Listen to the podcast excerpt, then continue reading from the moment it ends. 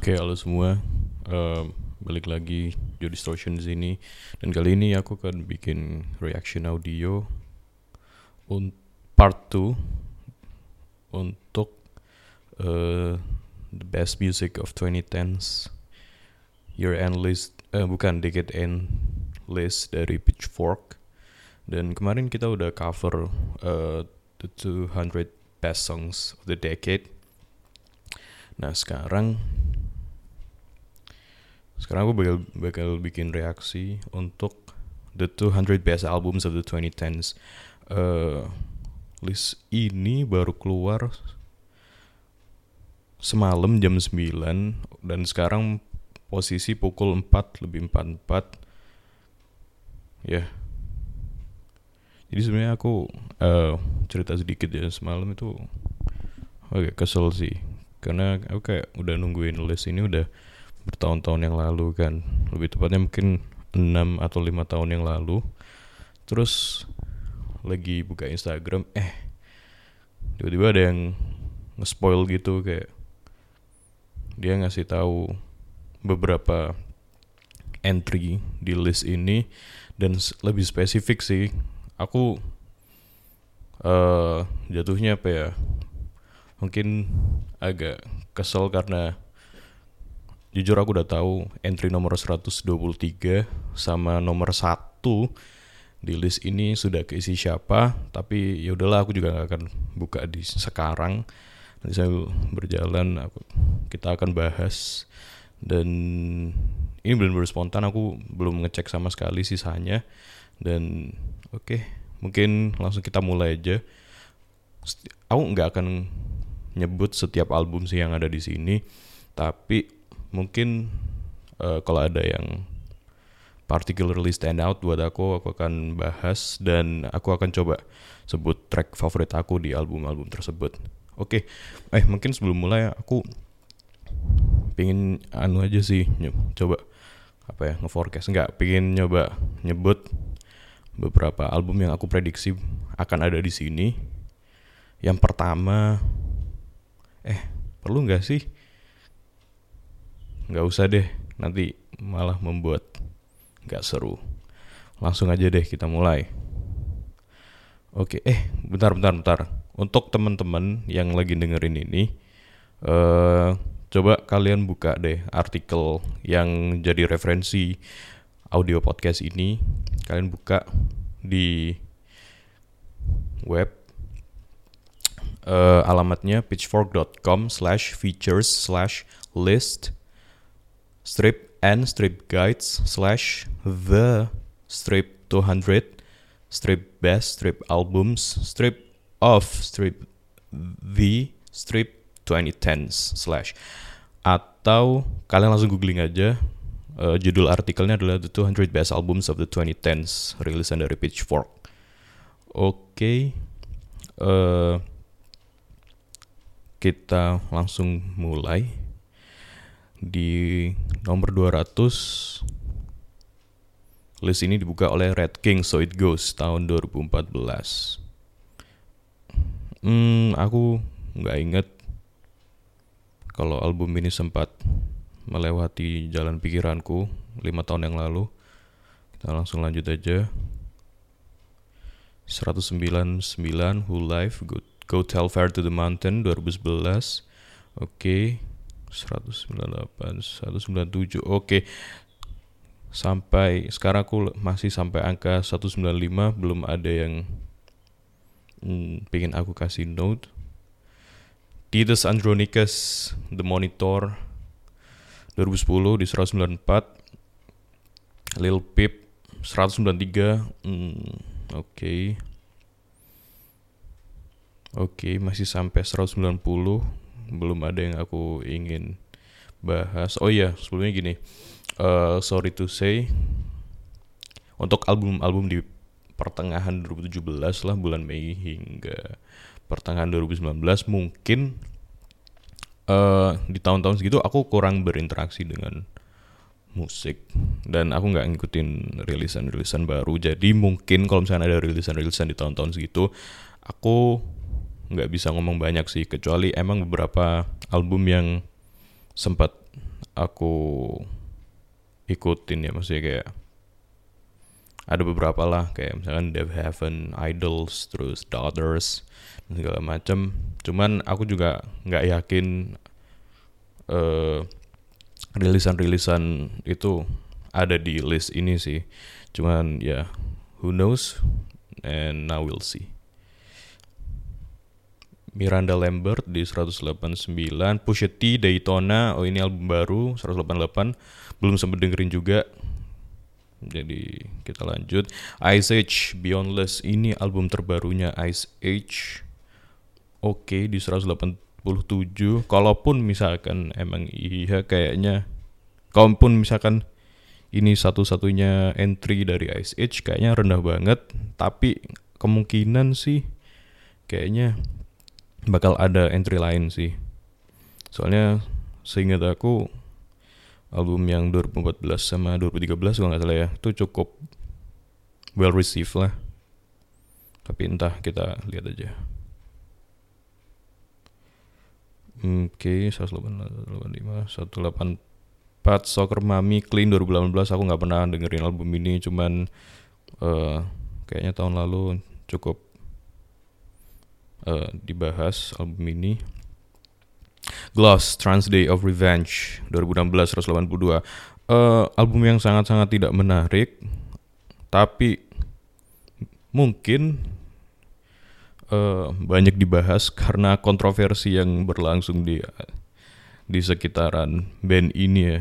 Karena aku ingat banget 2016 ini banyak banget rame-rame yang mengintari band ini entah dia yang diserang atau dia yang sebenarnya ah aku nggak mau bahas itu tentang kontroversi itu yang jelas tentang gender dan segala macam bahkan ada satu band yang aku inget banget Weir kalau nggak salah itu sempat bercekcok dengan mereka. Hingga sekarang pasca kejadian itu Weir entah bagaimana kabarnya. Nothing yang masih berjalan band barengannya mereka. Cuman Weir kayaknya udah hilang. Gloss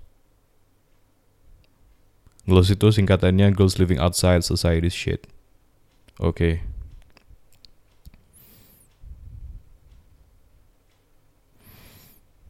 Kita lanjut 181, 180, 179, 178, Savages, Silence Yourself. Ini album yang sangat-sangat dingin dan cukup menarik post punk outfit dari Britania Raya. Uh, mungkin kalau di tahun-tahun pertengahan dan agak ke belakang dekade ini lebih banyak orang mengenal band-band kayak Warpaint, uh, terus Haim. Cuman di antara band yang isinya female semua Savages yang paling keren sih di album ini khususnya. Kayak waktu Adore Life udah apa ya nggak nggak terlalu nggak prima nggak seprima waktu di album ini. Ini album keren banget sih kayak dari terutama jujur terutama yang pertama kali aku bikin tertarik itu covernya sih. Covernya keren banget.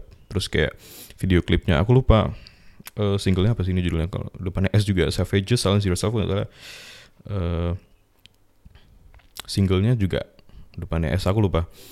Itu video klipnya dingin banget sih kayak stage eh sorry uh, kayak presensinya vokalisnya itu wah ngeri ngeri. Oke kita lanjut aja. Hmm, 100 berapa nih? 77 176 175 174 Sharon Van Eden Are We There? Hmm, album yang cukup emosional juga. Uh, nggak terlalu stand out sih buat aku di tahun segitu cuman kayaknya dia sekarang cukup mendapat tempat juga. Berbarengan sama beberapa contemporary uh, dia kayak Angel Olsen, terus Julian Becker. Kayak mereka bertiga sekarang cukup mendapat tempat di perskenaan indie alternatif di luar sana. Lanjut 173, 172, 171, 170, 106. Ada Paramore di sini. Oke, oke, oke. 168 uh, itu tadi di 169 Paramore After Laughter. 168, 167, 166 Nicki Minaj. Hmm, 165, 164 Hope Elang, Painted Shirt. Uh, ini musik apa ya kok bisa bilang punk rock cukup raw musiknya. Cuman aneh sih kayak beberapa waktu yang lalu aku sempat baca ada orang ngehimpun uh, best fourth wave of emo gitu fourth wave fourth wave emo album terbaik. Dan di list itu ada album ini ya. Dan aku aku nggak terlalu nganggap Hopelang sebagai band emo sih. Dia lebih ke mungkin 90s uh, 90s revival cuman ya gitu sih. Uh, kalau buat aku album ini oke okay lah. Kalau misalkan aku punya kayak 20 best albums of the year mungkin dia masuk honorable mentions.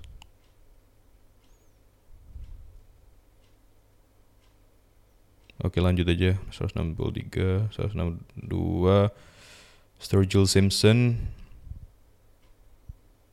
Album Metamodern Sounds in Country Music. Kalaupun ada album Sergio Simpson yang aku lebih ingat itu yang gambarnya laut, kapal. Itu tahun berapa ya? 2016 enggak sih? Cuman ya gitu deh, nggak tahu dengerin lanjut 161 The 1975 I Like It When You Sleep. Ini kayaknya entry ketika 1975 agak dianggap agak lebih keren daripada sebelumnya. Di sini kayaknya apa ya? Hmm, gitu deh. Lanjut aja lah. 160 No Name. Uh, 189 Pile Bearer Foundations of Burden. Ini album yang ini album doom metal yang dianggapnya apa ya dia nge-revive dia dianggapnya nge-revive traditional metal uh, traditional doom metal tahun-tahun 70 80-an gitu kan eh uh, yang rilis Profound Lore. Keren secara musik keren sih. Ini album masuk kayak album metal terbaik di tahun segitu dan Pallbearer bener-bener disukai sih setelah uh, dari album sebelumnya udah disukain sih. Maksudnya kayak 2014 itu dianggapnya puncaknya. Uh, tapi kalau aku pribadi sebenarnya secara musik ini keren. Cuman hal yang benar-benar mengganggu tentang Pallbearer itu menurutku vokalisnya. Karena vokalisnya itu apa ya bikin ngantuk gitu loh vokal aku aku nggak nggak kurang tahan sih sebenarnya. Maksudnya ada jutaan doom metal outfit lain yang lebih menarik di tahun di dekade ini gitu loh. Untuk album doom metal banyak yang lebih menarik sih daripada ini. Mungkin kalau misalkan uh, apa ya? Tapi aku yakin kalau misalkan list ini untuk cukup uh, sorry limited to metal music only kayaknya ini bakal jadi top 10 sih uh, album ini Bearer. Dari mana ya? Mereka dari British ingat aku. Best best songnya gak ada. Aku nggak terlalu nge-revisit album ini sih nggak terlalu memorable buat aku. Oke lanjut 158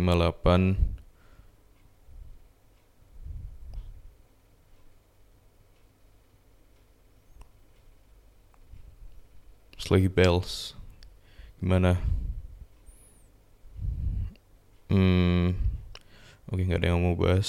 157 157 The 1975 album 2018 nya ini kayaknya album ini sampai sekarang masih di tour nggak sih? Maksudnya, kayak beberapa hari yang lalu tour untuk album ini sampai ke Indonesia. Aku nggak dengerin jadi nggak bisa komen. Jenny Lewis 150, 156 155 154 terus entry baru Purple Purple Mountains belum tahu ini album apa 153 lanjut aja Arctic Monkeys dengan AM album 2013 di nomor 152 hmm ini album yang sangat viral di tahun-tahun segitu. Tiba-tiba banyak anak yang turn itu hipster.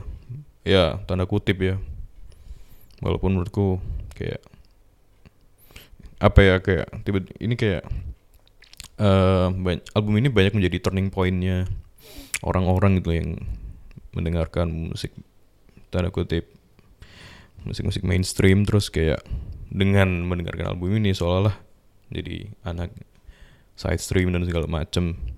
Biasanya uh, pintu masuknya itu dari album ini AM terus itu dilanjut.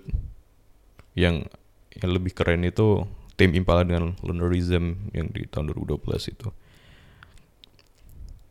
Kalau tentang album ini sendiri sih aku sebenarnya kurang suka sih. Aku nggak nggak pernah menjadi seorang fan dari Arctic Monkeys walaupun itu album pertama terus yang Fluorescent Adolescent Sakit NC kalau boleh jujur deh antara semua itu yang paling listenable buat aku Sakit NC walaupun itu juga nggak very favorable di kalangan critics.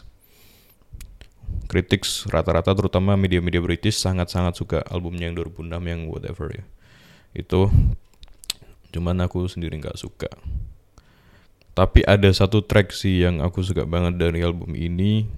Kenapa uh, yaitu track kok nggak salah nomor 5 atau nomor 6 number one party anthem.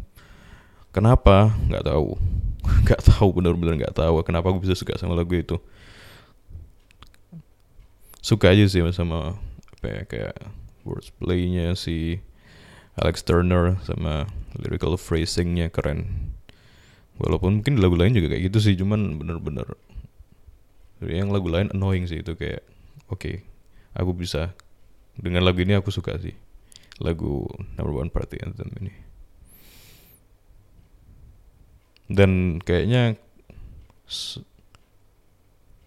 uh, seenggaknya di semua orang kalian anggap keren padahal menurut aku nggak keren keren amat pasti seenggaknya ada lagu What You Only Call Me When You're High atau Do I Wanna Know atau atau mungkin yang lebih keren Arabella sama Are You Mine di playlist Spotify mereka.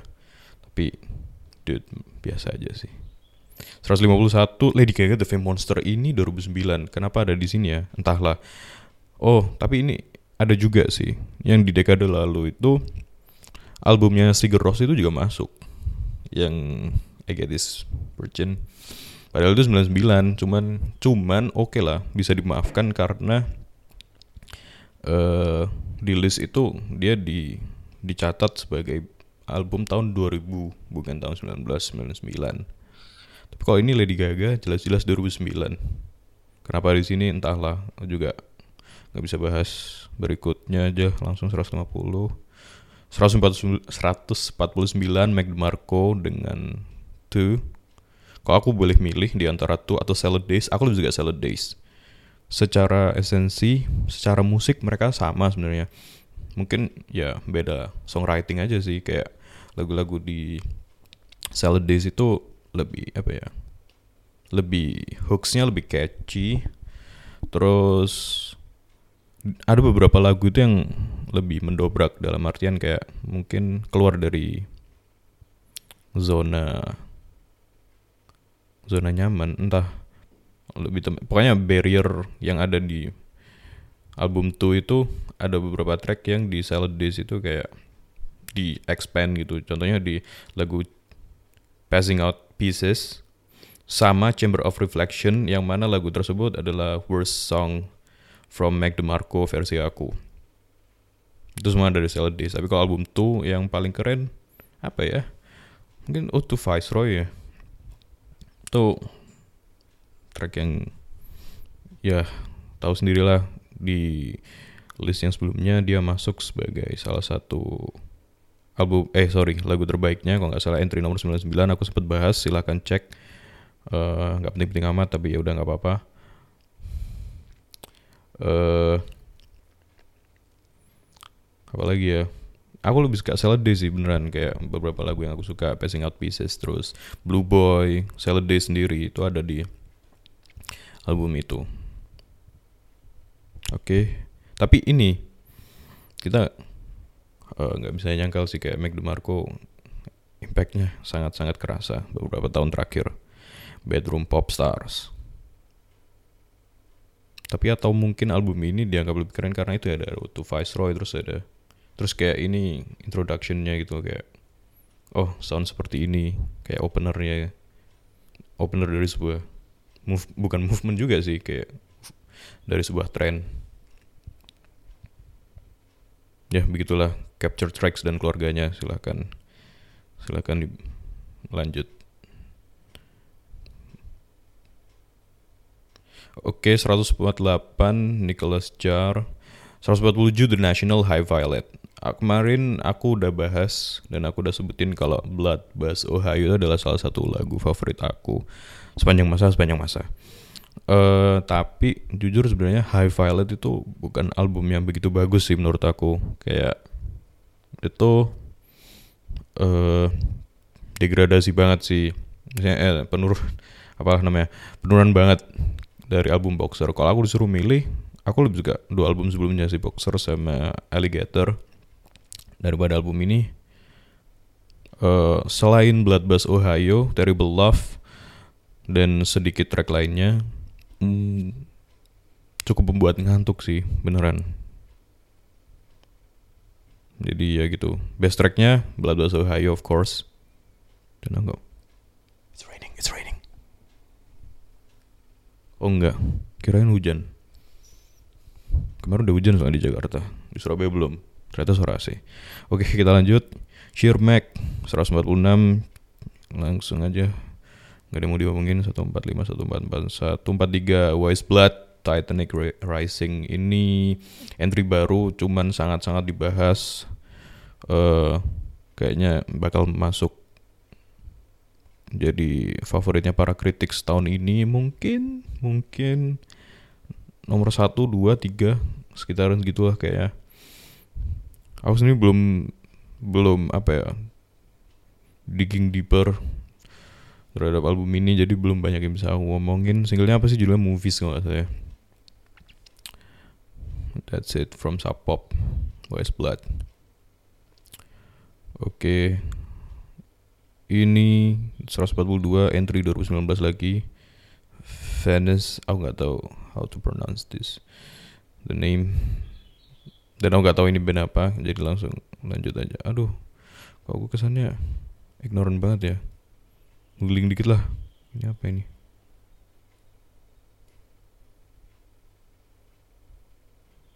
Oke. Okay. dia main musik ambient dari Austria. Pemain lawas. Maafkan aku maafkan aku oke ini pemain lawas. Maafkan aku yang terlalu ignoran mungkin aku bakal ngecek album ini. Entahlah. Kita lanjut aja dulu. 141 Rick Ross 140 band yang sampai sekarang aku nggak tahu cara pronounce-nya gimana Parky Courts atau apa Sunbathing Animal 2014 uh, eh, band art rock ya. Kalau aku bilang kalau aku boleh bilang ini modern art rock. Dia musiknya cukup nyeleneh. Mungkin mungkin kalau kita maksudnya kayak di Indonesia itu ada jerapah gitu ya di sebelum album yang keluar ini. Uh, aku ngeliat spirit yang mirip sih terlukiskan. Cuman jujur aku nggak tahu dengerin sih jadi nggak bisa komen. Nggak bisa komen juga sih selain itu. Lanjut. 139 138 Alabama Shakes. Ini kayaknya album yang menang Grammy ya? Hmm. 137 Asep Rocky. 136 Tim Hacker Riff Riff Death 97 1972 Oh ini album 2011 ya? Aku kira lebih awal dari itu. Ambient hmm, Best tracksnya ya dengerin aja sih itu satu album. Karena itu musik ambient cuman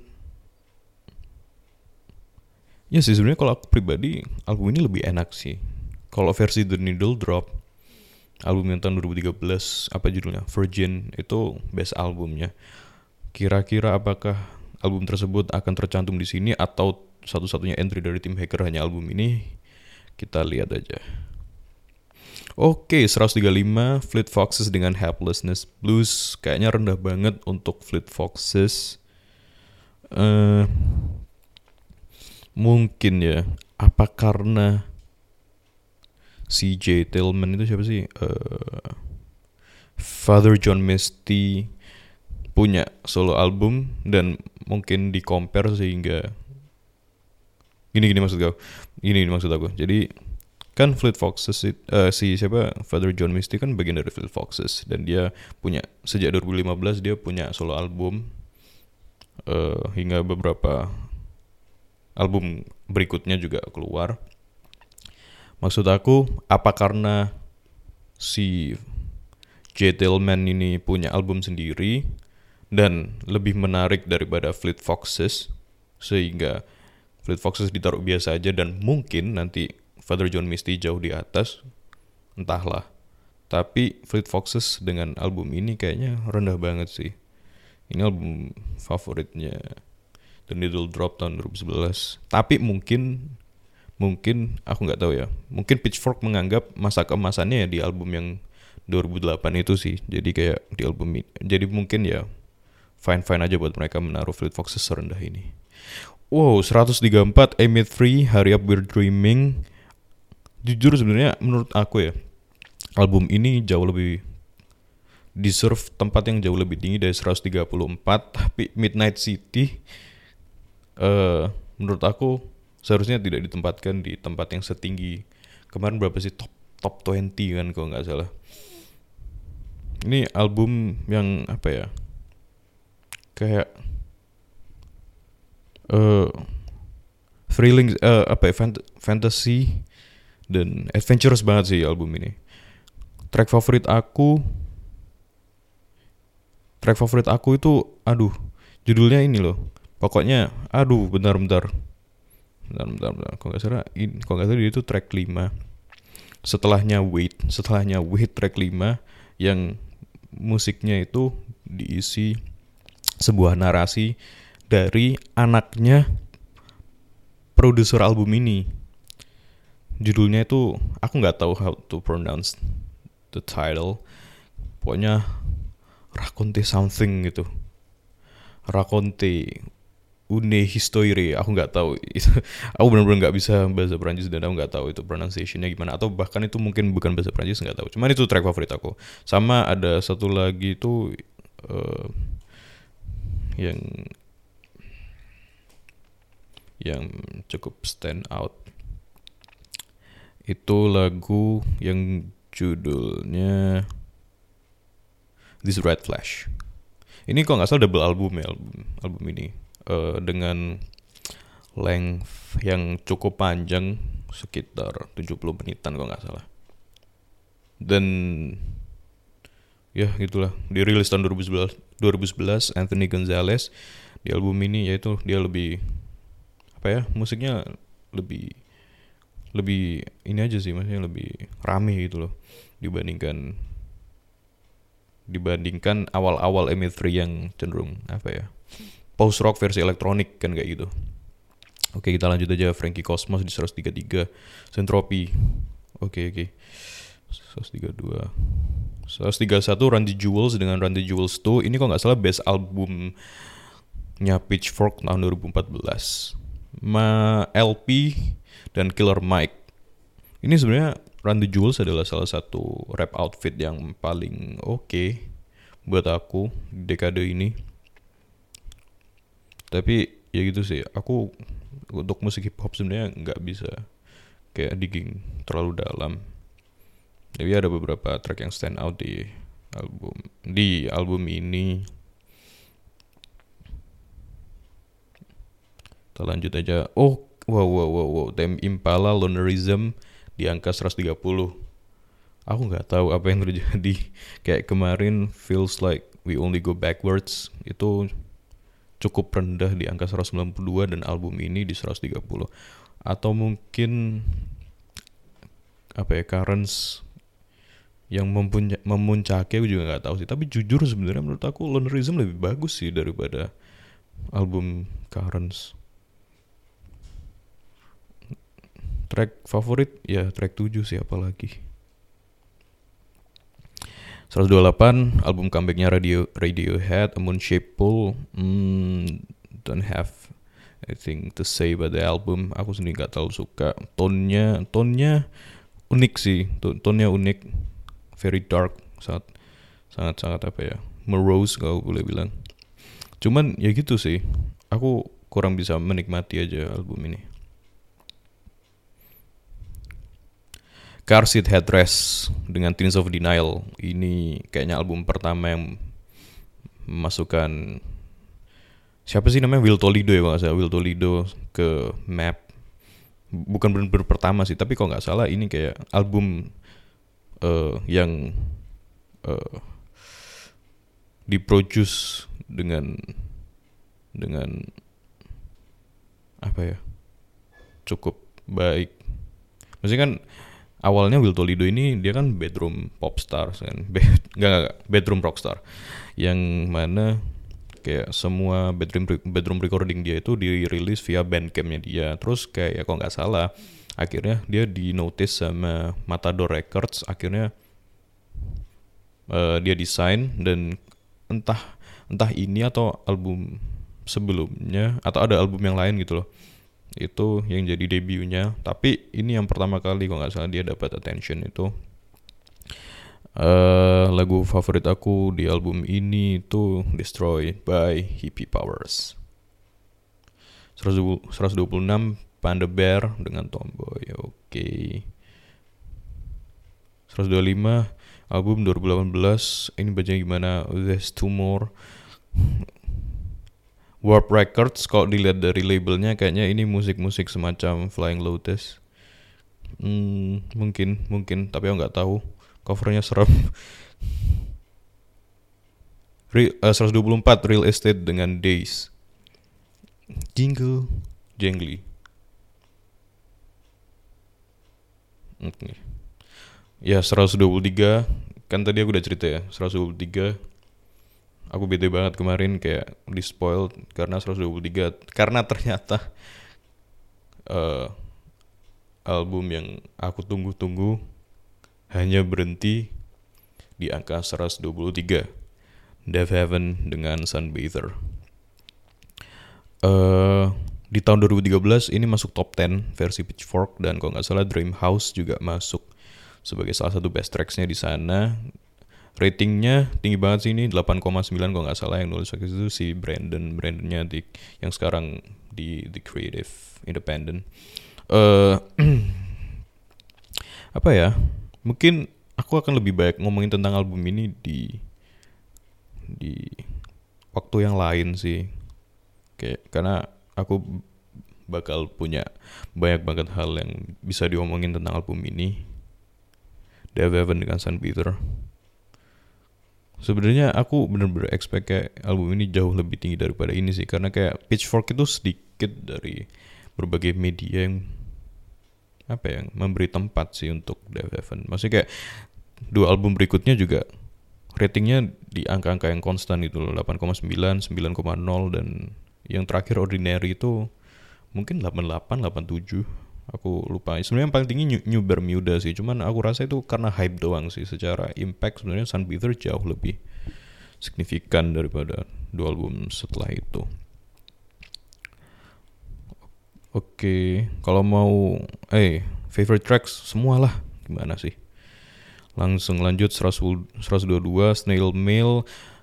Kan kesel ya masih kayak Dave 123 122 Snail Mail dengan Lush. Ya oke okay lah 121 di di Hotelier Home Like No Place Is There. Tadi aku sempat bahas yang kalau nggak salah waktu kita bahas Hop Along tadi kan. Jadi ada kayak sebuah list itu yang, yang membahas tentang album-album emo revival terbaik atau gelombang emo gelombang keempat dan yang memuncaki ah sorry banget kalau nge-spoil. Eh uh, ya yeah, jadi ngeselin dong aku sorry sorry tapi ya gitu deh uh, di hotelier yang memuncaki list tersebut dengan album ini. Memang kalau aku boleh bilang ya kebanyakan band kebanyakan band emo revival itu kayak sekedar apa ya selain selain rawnessnya itu banyak banget kayak sari-sari dari emo gelombang 1, 2, dan 3 itu yang kayak nggak nggak diserap dengan baik oleh band-band emo sekarang gitu loh. Maksudnya kayak jujur nggak nggak banyak band dan rilisan emo dari gelombang keempat itu yang particularly significant gitu buat aku. Mungkin ini adalah satu dari sedikit bagian itu gitu. Band yang lain mungkin uh, The World is a Beautiful Place itu pun kayak aku nggak pernah ada bener-bener satu album penuh yang menurut aku cukup baik sih dari mereka. Termasuk album ini sebenarnya kayak kalau untuk satu album mungkin kalau aku boleh ngerate ya uh, eh, 7 per 10 lah. Ya 7 per 10 lah.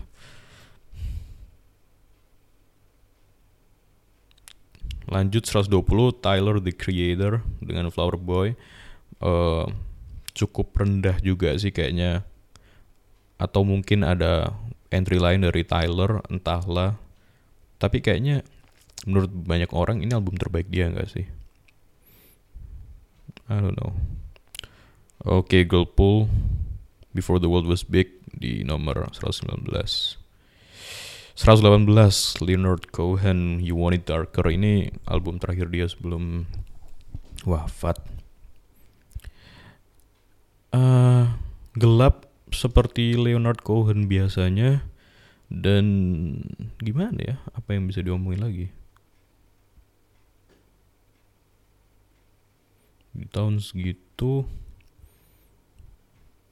ada ini juga sih album gelap lain itu apa nih Cave kalau salah. 2016 kan ini. Eh uh, lah nggak ada lagi yang bisa aku bahas. Lanjut aja.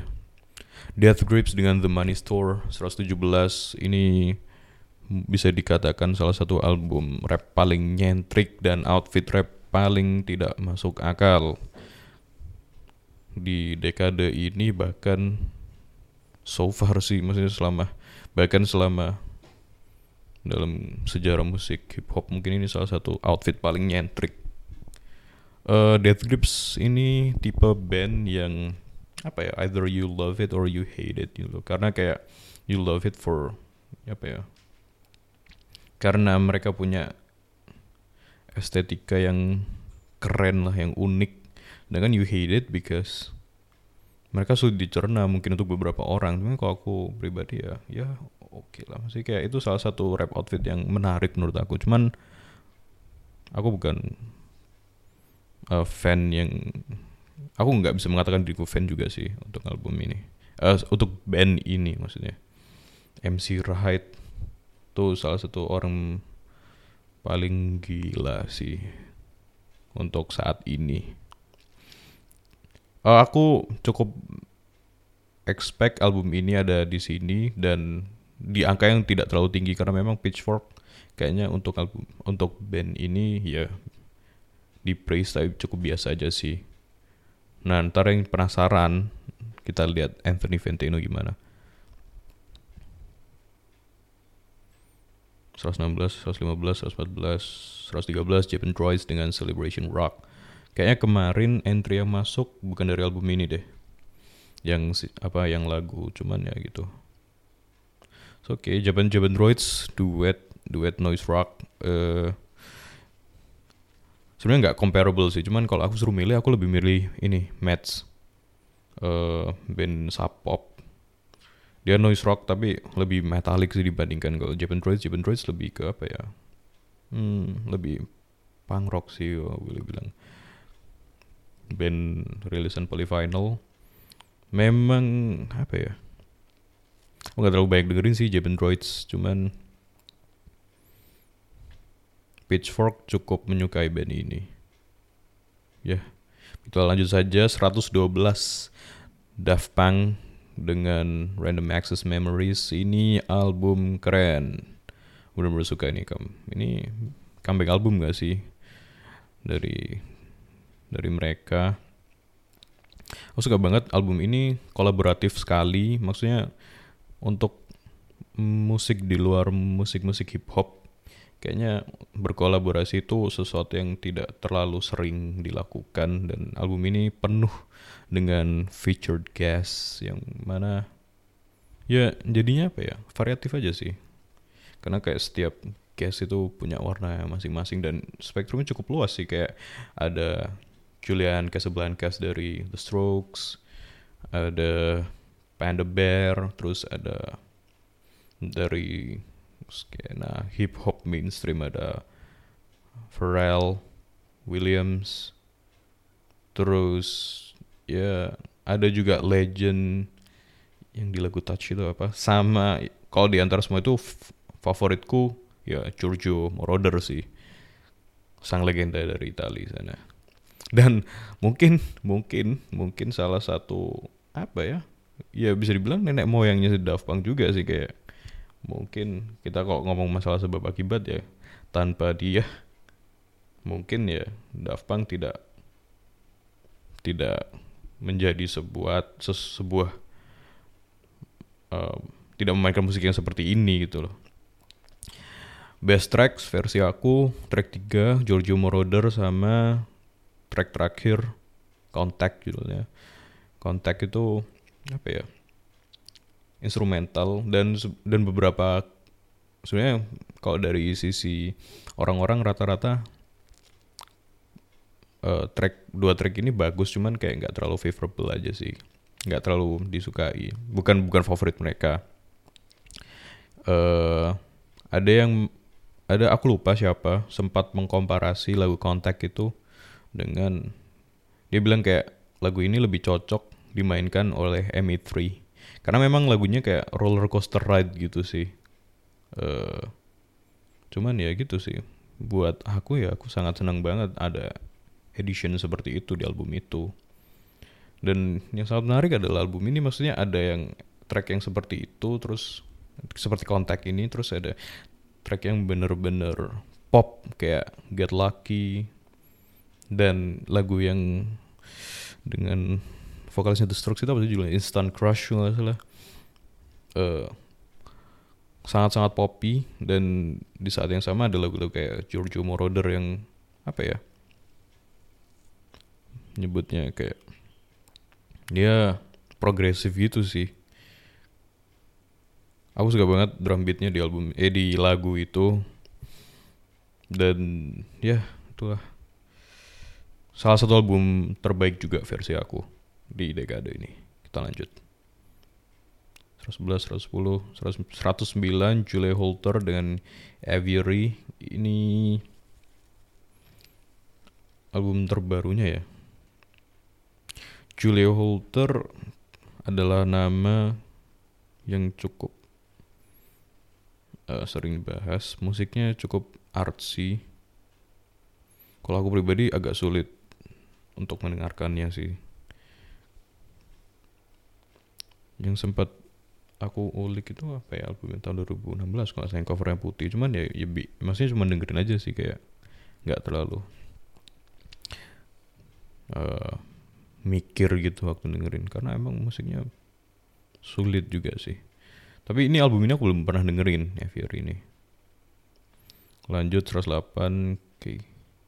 107 106 105 Disclosure Settle nggak suka. 104 uh, uh, aku nggak bilang album ini menarik cuman aku sampai sekarang bingung cara bacanya. Wax nggak tahu nggak tahu skip 103 102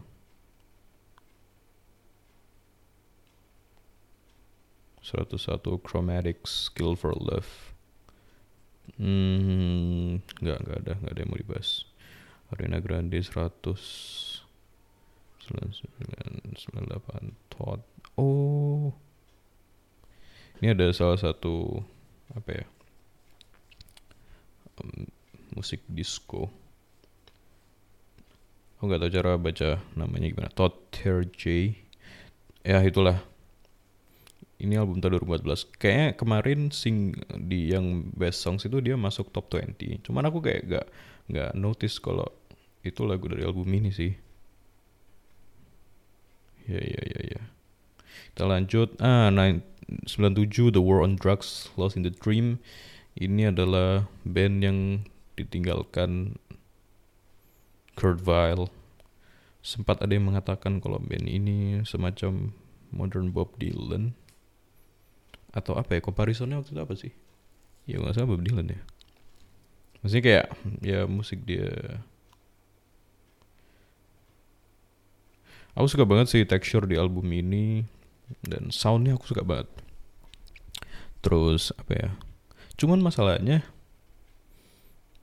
terlalu banyak track yang sebenarnya menurut aku bisa diperpendek gitu loh kayak untuk tipe musik seperti ini kayaknya lagu panjang-panjang juga apa ya terlalu ngebosenin sih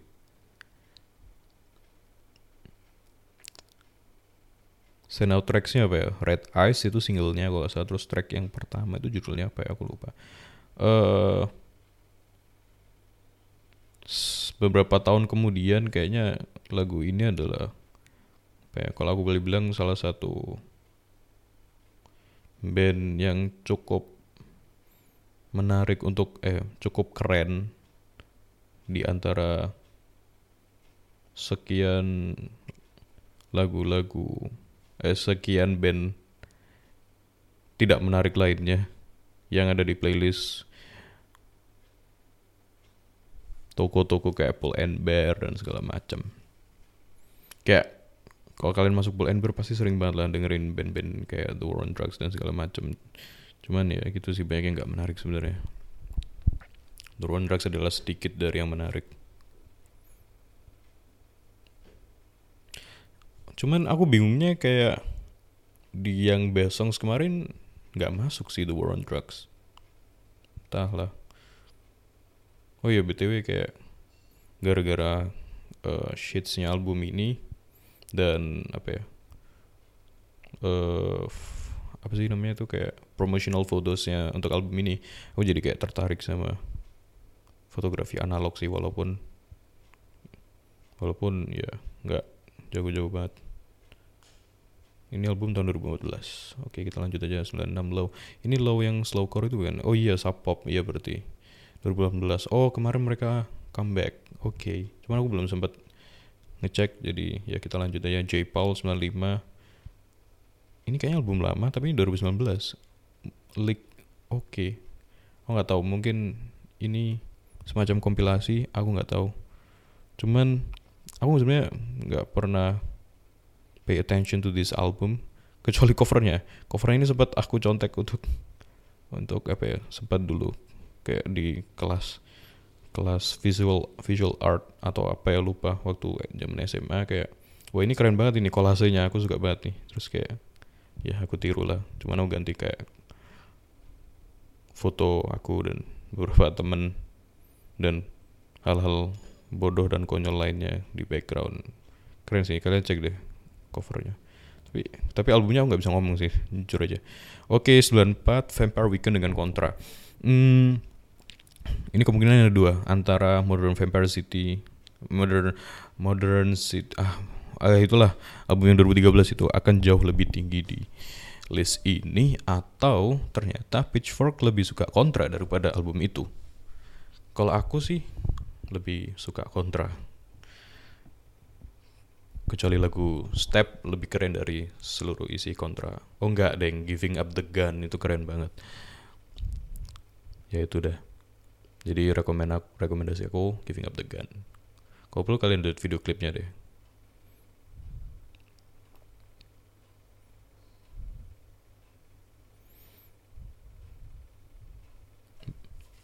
Banyak sih yang bisa dibahas, yang bisa dibahas tentang kontra tapi oke okay, lanjut aja lah. 93 92 Jay-Z Kanye West Hmm, lanjut aja 91 Bon Iver. Wah, di sini ada 22 million jadi kayaknya Bonifer bakal ada lebih dari satu entry aku sangat tidak suka album ini karena kayak pertama tidak jelas, yang kedua tidak jelas, yang ketiga tidak jelas. Kayak semuanya itu kayak menurut aku Bon Iver terlalu banyak ide sih dan dia dia kayak terlalu conscious kalau dia ini sedang uh, dia ini ingin bereksperimen sehingga dia terlalu banyak throwing up stuff tapi kayak nggak ada yang apa ya nggak ada yang satu akhirnya kayak nggak nggak apa ya nggak koheren gitu loh. Jadi pain apa ya untuk mendengarkan itu painful banget. Kita lanjut aja. Joyce Manor 90 ini tinggi banget parah. Untuk album emo revival masuk ke list ini di angka segini ini sangat sangat tinggi nomor 89 kayak ribu. Nomor 88 jadi Oval aku gak tahu cara bacanya. Cuman ini entry dari Sacred Bones. Labelnya maksudnya. Hmm, aku nggak inget tentang album ini jujur. Cuman gara-gara covernya aku jadi inget kan kayak Sacred Bones ini salah satu label yang keren sih menurut aku di luar sana. Karena dia kayak punya template khusus untuk artis-artisnya dia. Jadi kayak setiap rilisan mereka itu pasti covernya modelnya seperti itu. Kalian cek aja deh. 87, 86, Him, Days Are Gone ini menurutku cukup penghinaan sih. Karena kayak Silence Yourself tadi jauh di atas sana eh jauh di belakang. Sedangkan Him di 86 tapi memang kalau kita ngomong secara konteks orang-orang sih mungkin rata-rata lebih baik suka Him Oke, okay. 85, 84, 83 ada EP di sini Burial. Oke, okay, oke. Okay. Kalau ngomong EP ya. Lanjut uh, eh, EP yang keren apa ya? 2015 ada yang keren. Igloo Ghost. Aku belum sempat dengerin albumnya sih, cuman itu EP-nya keren banget. Chinese New Year, keren keren keren.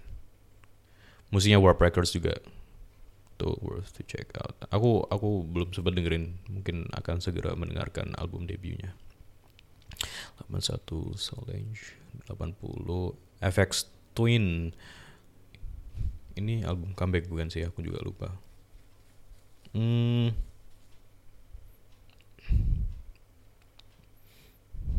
Wah ini notesnya yang ngisi Mark Carson Oke okay, lanjut aja lah.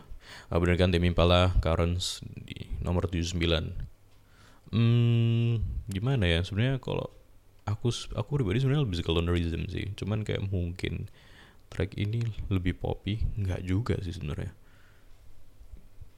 Malah di kebanyakan lagu durasinya tuh panjang-panjang banget sih. Kayak track pertama udah 7 menit. Terus kayak coba di sini singlenya kayaknya baik banget sih. Ada Let It Happen tuh single gak sih? Single. Terus The Less I Know The Better. Eventually. Eh entah mereka itu single gak sih? Cuman ya gitu sih. Everyone knows the songs. Kalau aku pribadi lagu favorit aku di album ini itu itu track kedua dari terakhir Love slash Paranoia. Itu lagu favorit aku sih. Sampai sekarang aku masih sering banget dengerin lagu itu. Sama ada satu lagi Past Life. Trippy banget tracknya aku suka. Untuk track-track yang lain menurut aku cukup oke okay sih. Maksudnya kalau misalkan aku disuruh milih hmm, track yang sering muncul di playlist Spotify orang aku masih bisa sih dengerin lagu-lagu kayak Eventually terus The Less I Know The Better. Itu aku masih menurut aku ya track yang cukup bearable. Uh, semalam aku dengerin album ini sih sebenarnya. Terus kayak adik aku nanya lah kamu kok sekarang dengerin lagu kayak gini? Terus aku bingung kan kayak dia dulu aku juga dengerin album ini kali waktu pertama keluar gitu kan. Terus dia bilang kayak aku nggak tahu sih sebenarnya ini lagu apa tapi kayak perasaan kayak semua teman aku dengerin lagu ini oke okay. nggak masalah sih sebenarnya kita lanjut aja ya 78 Kurt Vile bukan album 2013 cukup Oke, surprising. Enggak sih, biasa aja. 77, 78, Arcade Fire, The Suburbs. Hmm, 3 Lawas. Tapi aku nggak bisa ngomong apa-apa sih. 78 tuh 75 sorry The Weeknd 74 Sophie. Sophie aku dulu sempat dengerin Sophie kayaknya dia album yang apa ya? Ada sempat ngeluarin kompilasi nggak sih beberapa tahun yang lalu? Lanjut aja lah. 73 72 oke okay, Father John Misty I Love You Honey Bear. Aku sampai sekarang belum sempat dengerin album setelahnya ini sih. Apa sih judulnya? Pure komedi atau apa gitu. Cuman ya yeah, album ini. Nggak sih aku nggak terlalu suka. Masih lebih suka Fleet Foxes. 71 70 71 dari Robin 70 Perfume Genius. 69 Drake If you're reading this it's too late. Ini mixtape gak sih? Hmm. Nggak terlalu menyukai tapi nggak nggak nggak. Biasa aja.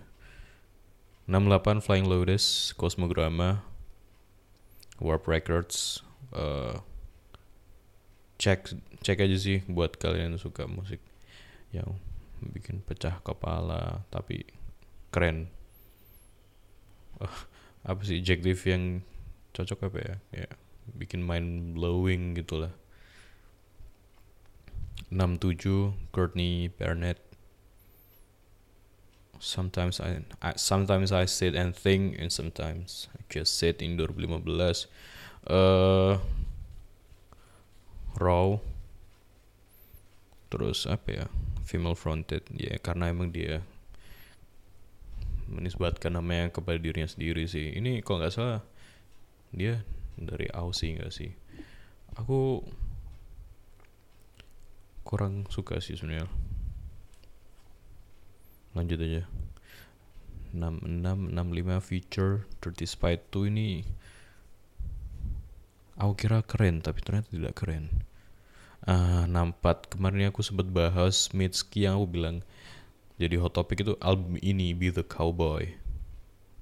Covernya cukup nyentrik sih buat aku. Hmm, aku belum sempat dengerin juga sih album ini. Kalau Puberty itu karena Puberty itu aku kurang suka gitu loh jadi aku nggak tahu. Jadi aku kayak nggak I didn't pay attention to this album. Cuman gara-gara rame jadi sekarang penasaran sih sebenarnya. Kita lanjut. Danny Brown XXX 63 hmm. Nice. Aku sem aku, aku sempet ini sih kayak berapa? Di akhir 2016 itu aku sempat kayak muter apa sih Atrocity Exhibition berapa kali karena menurut aku Denny Brown itu salah satu ex rap yang paling salah, salah satu apa ya hip hop hip hop artis yang paling menarik untuk diikuti yang kontemporer ya maksudnya.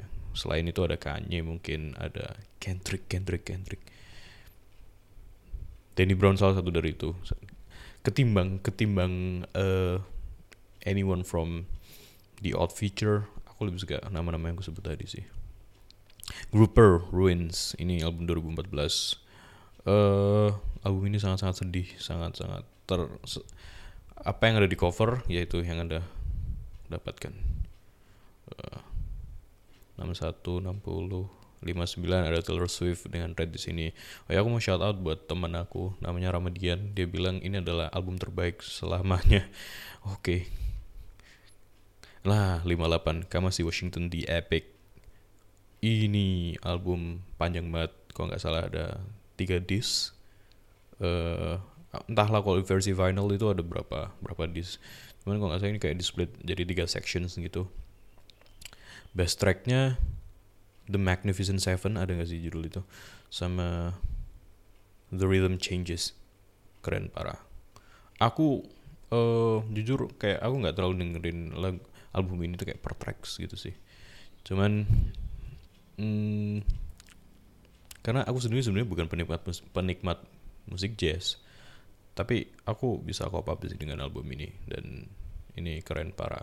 Pertama kali aku tahu Kamasi itu karena dia di featured karena dia itu uh, ya yeah, di feature di To Pimp a Butterfly sama Thundercat juga. Cuman Thundercat main bass dia main sax gitu ini keren. Kalian cek deh. Dia abis itu ngeluarin album lagi cuman aku belum dengerin sampai sekarang. Terus Kendrick Lamar yang album 2017 nggak terlalu suka album ini. 56 Bjork dengan Vulnicura 55 Saint Vincent. Saint Vincent ini salah satu outfit cewek paling apa ya nyentrik maksudnya nyetriknya nggak secara musik sih secara persona aja sih. 54 53 52 LCD sound system this is happening. Aku nggak nyangka kalau album ini bakal serendah ini untuk ukuran pitchfork. Karena itu tadi sih kayaknya pitchfork itu sekian persennya adalah tentang LCD sound system. Kita lanjut. 51 50 grams visions 50 kayaknya rendah banget sih. Aku kira bakal jauh lebih tinggi daripada itu. Karena ya seperti kita tahu kemarin Oblivion masuk nomor 2 sebagai best songs of the decade. Hmm, One of Freaks Point Never dengan replika di nomor 49 buat kalian yang pengen ruwet dengerin aja. Ruwet itu apa? Ruwet itu bikin pusing. 48, 47 Carly Rae Jepsen dengan Emotion hmm, menarik. Cukup tinggi sebenarnya.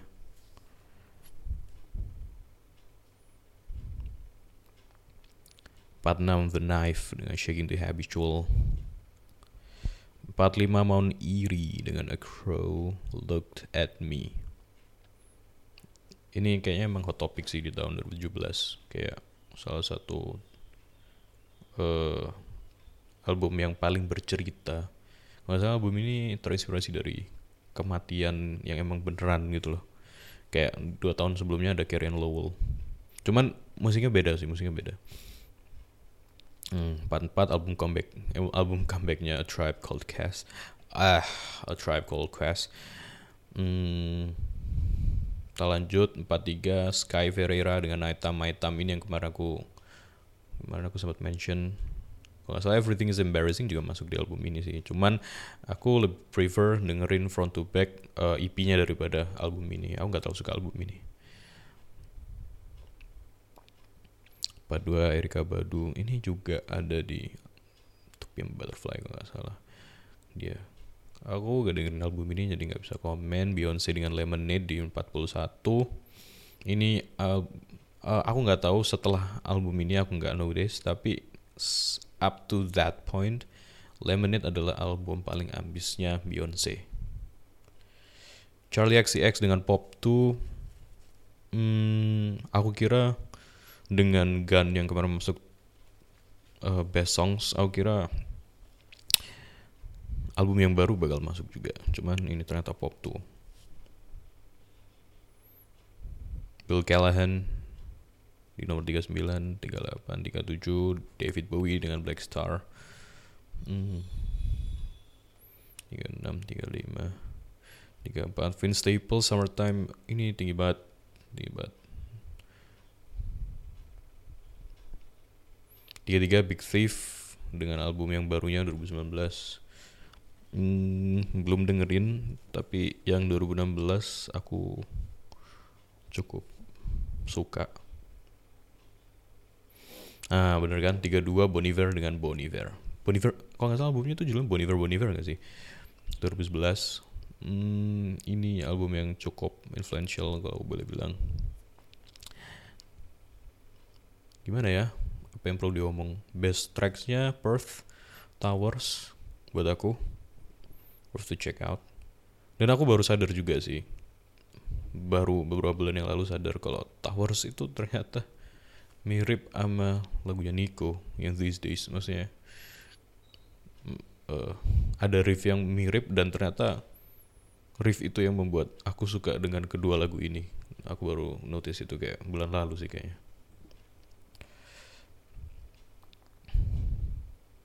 Oke, okay, Another Beyonce for album 2011 di nomor 31. Kita lanjut. Oh, ternyata Puberty itu juga masuk di nomor 30 Mitski.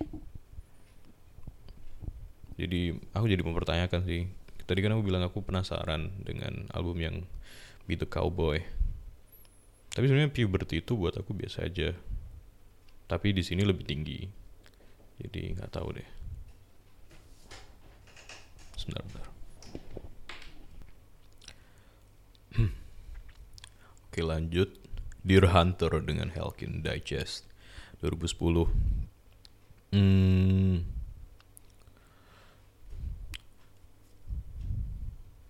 FK Twix dengan LP1 nomor 28 Two weeks sih dengerin aja lagu itu.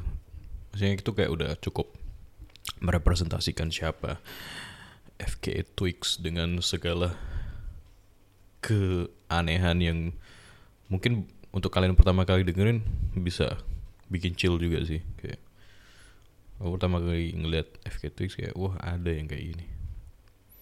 Maksudnya di level yang secara uh, orang-orang arus utama juga suka gitu loh. 20 27 ada salah satu rapper kenamaan dari Odd Future, Roll Sweatshirt dengan album yang tahun 2018 Some Rap Songs.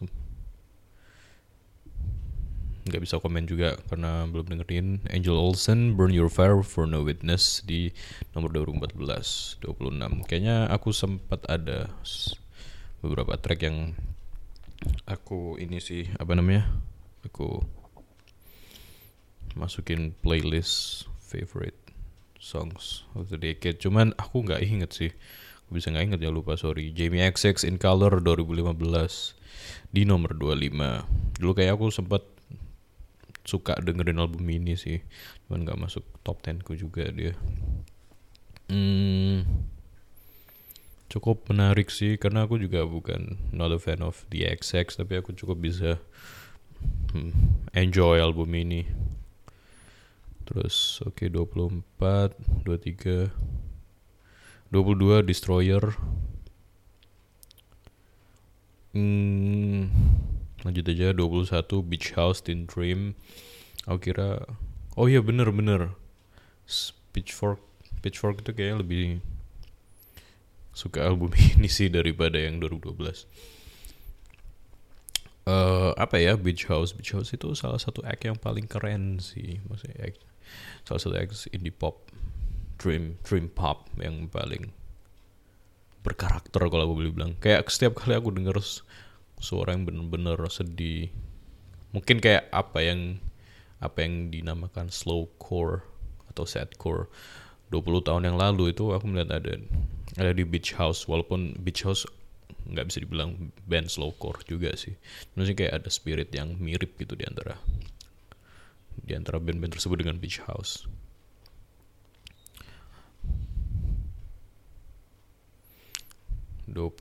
sembilan belas Lana Del Rey dengan album barunya ini tinggi banget. Tinggi banget. Track favorit aku track nomor 4 Every I Love You. Terus The Greatest juga bagus dan masuk ke list yang kemarin. Apalagi ya? Banyak uh, cek aja sih keren keren Walaupun aku sebenarnya sebelumnya kurang suka sih. Oke, okay, Kendrick Lamar dengan album yang tahun 2012 masuk nomor 18, aku kira bakal jauh lebih tinggi. Cuman mungkin Kendrick Lamar masuk di sini karena akan ada album yang lebih tinggi lagi. Dulu aku sering banget dengerin album ini waktu waktu sekitar sekitar tahun 2013 lah. Cuman ya gitu deh. Oke, aku nggak expect ini sih. Karen Lowell, Sufjan Stevens di nomor 17. Yang menarik nomor 18 dan 17 ini sama-sama bercerita tentang kisah uh, sama-sama album yang terinspirasi dari kisah nyata masing-masing artisnya. Aku nggak expect ini uh, Sufjan Stevens dengan Karen Lowell ada di sini karena kemarin Best Songs nggak ada entry dari Sufyan gitu loh. Eh maksudnya nggak ada entry dari album ini. Aku nggak ingat ada dia ada dari dia apa enggak cuman dari album ini nggak ada gitu hmm, kita lanjut. Joanna Newsom nomor 16 hmm, 15 14 13 ini nama-nama terkenal semua yang tidak menarik buat aku. Uh, tidak menarik untuk dibahas semua albumnya buat aku. 12 cek aja sendiri. 11 Grimes. Aku kira album yang 2012 akan jauh lebih tinggi daripada yang 2015 tapi ternyata tidak demikian. Nomor 10 kayak nomor 10 ah aku gak suka banget sama album nomor, nomor 10 ini nomor 9 ini tinggi banget di Angel loh Hmm, nggak nyangka sih, karena sebenarnya album ini juga nggak terlalu dibahas sebenarnya. Nomor 8 Robin. Ah bener kan nomor 7 Vampire Weekend Modern Vampires of the City. Best Track Step. Oke, okay, nomor 6 Solange. Eh, kayaknya tadi ada bukan bukan album ini. Nomor 5 Fiona Apple, nomor wow, wow. Jadi gini, jadi gini. Nomor 4 Kendrick Lamar 2 PM A Butterfly album 2015. Jujur, aku kira yang akan mempuncaki list ini adalah album ini.